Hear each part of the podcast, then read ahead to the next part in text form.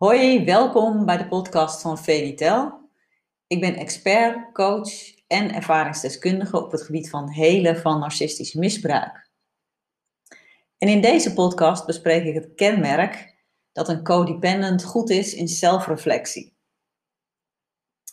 Ja, reflecteren op jezelf, op je eigen gedrag, dus terugkijken op je eigen gedrag dat kan een codependent over het algemeen heel erg goed.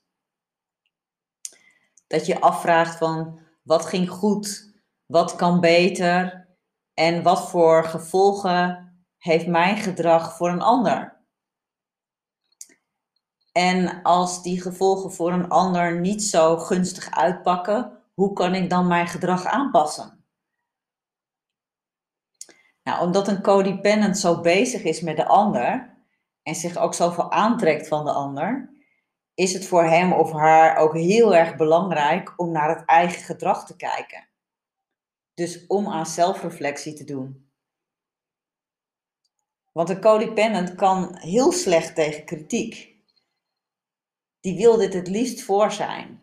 Want die heeft echt het idee van: oh, ik overleef het niet als iemand ontzettend boos op me wordt.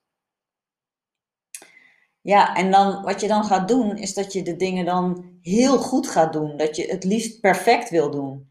Daarom hebben ook veel codependents heel veel last van perfectionisme.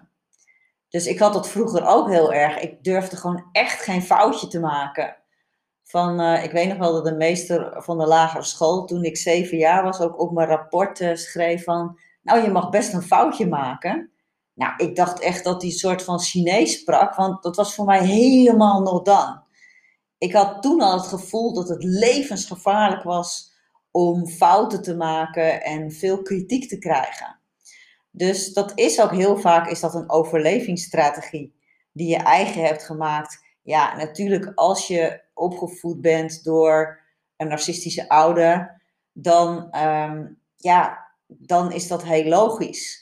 Want dan, ja, dan is er zoveel boosheid naar je gericht. En je snapt helemaal niet waarom. Dus ja, je denkt van, oh, als dat nog erger, erger wordt, dan overleef ik het misschien niet. Er gebeuren misschien erger dingen. Maar dat weet je dan natuurlijk allemaal niet als je jong bent. Dus wat je eigenlijk doet, en dat doe je dus heel onbewust. Je bent onbewust, ben je heel erg aan het pleasen. Ben je je continu aan het aanpassen en ben je helemaal aan het wegcijferen. Ja, en als je dit al gewoon in je gezin van herkomst hebt meegemaakt, dan is dit eigenlijk gewoon je normale doen.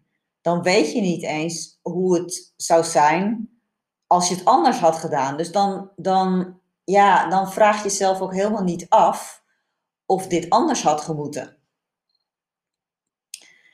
Ja, dus je bent ook heel veel bezig dan met excuses te maken, sorry te zeggen, te doen wat de ander wil, ook al wil je het zelf niet echt.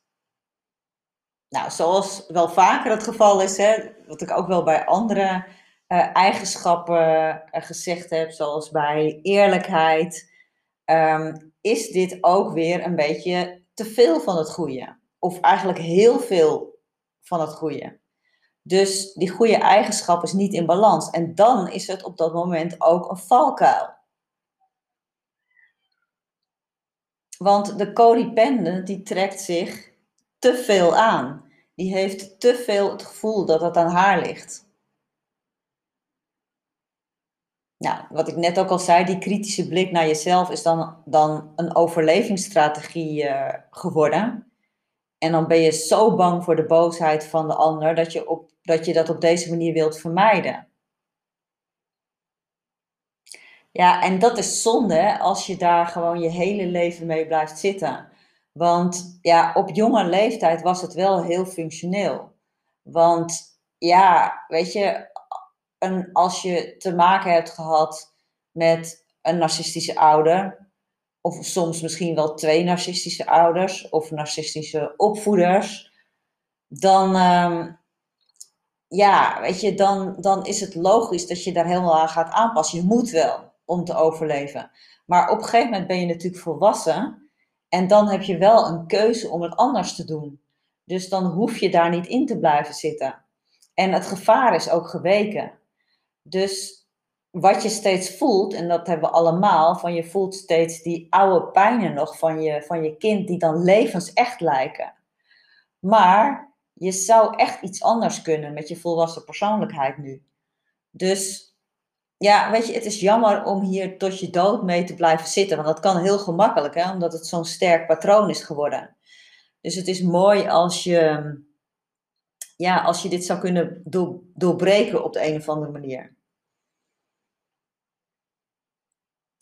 Ja, en ik ben ook van mening dat een codependent enerzijds te veel zelfreflectie heeft, maar anderzijds ook te weinig. Want er is een enorme focus op wat je allemaal niet goed doet, waar je in faalt, wat beter zou moeten, wat er allemaal aan je mankeert. Maar als codependent zie je vaak nauwelijks hoeveel goede dingen je in je hebt. Wat een goed mens je bent en wat veel kwaliteiten je hebt. Juist op dat stuk zit er een hele grote blinde vlek. Nou, als je hiermee worstelt, dan snap ik dat. Ik heb hier zelf ook mega mee geworsteld. Dus het is niet iets waar je nou heel snel uitkomt, maar het kan wel. Weet je, je kunt hier echt gewoon helemaal uitkomen. Maar ehm, ja, daar heb je vaak wel hulp uh, bij nodig, want het is gewoon te complex. Ik kwam er zonder hulp ook niet uit. Dus uh, pas toen ik eigenlijk goede hulp ging uh, inroepen. Dat moest toen ook nog uit het buitenland komen, uit Amerika, omdat er in Nederland nog niet was. Maar toen ging ik wel als een speer. Nou, als je hiermee worstelt en nog meer informatie wilt hoe je dit voor jezelf kunt oplossen, dan nodig ik je uit ook een kijkje te nemen op mijn website www.venitel.nl. Daar kun je ook gratis een zevendaagse minicursus aanvragen. Nou, wil je mij persoonlijke vraag stellen? Dat kan ook. Want vanaf dinsdag 26 januari, ja, dat is al, ehm, dat is al over een paar dagen. Dan ben ik ook jarig. Dus uh, wat kan je dan mooier doen op je verjaardag dan uh, een, allereerste, uh, een allereerste live vragenuur op Instagram te beginnen. Dus dat doe ik op dinsdag 26 januari om 8 uur. Dus zet die datum even vast in je agenda en zorg ook dat je mij volgt op Instagram. Nou, vond je dit een waardevolle podcast? Abonneer dan even, want dan krijg je ook direct een melding als er weer een nieuwe podcast klaar staat. Ook kan ik het heel erg waarderen als je een like geeft, een opmerking maakt of deze podcast deelt. Dan hebben, andere, hebben, hebben anderen er ook nog wel aan. Ik zie je heel graag weer bij een volgende podcast. Doeg!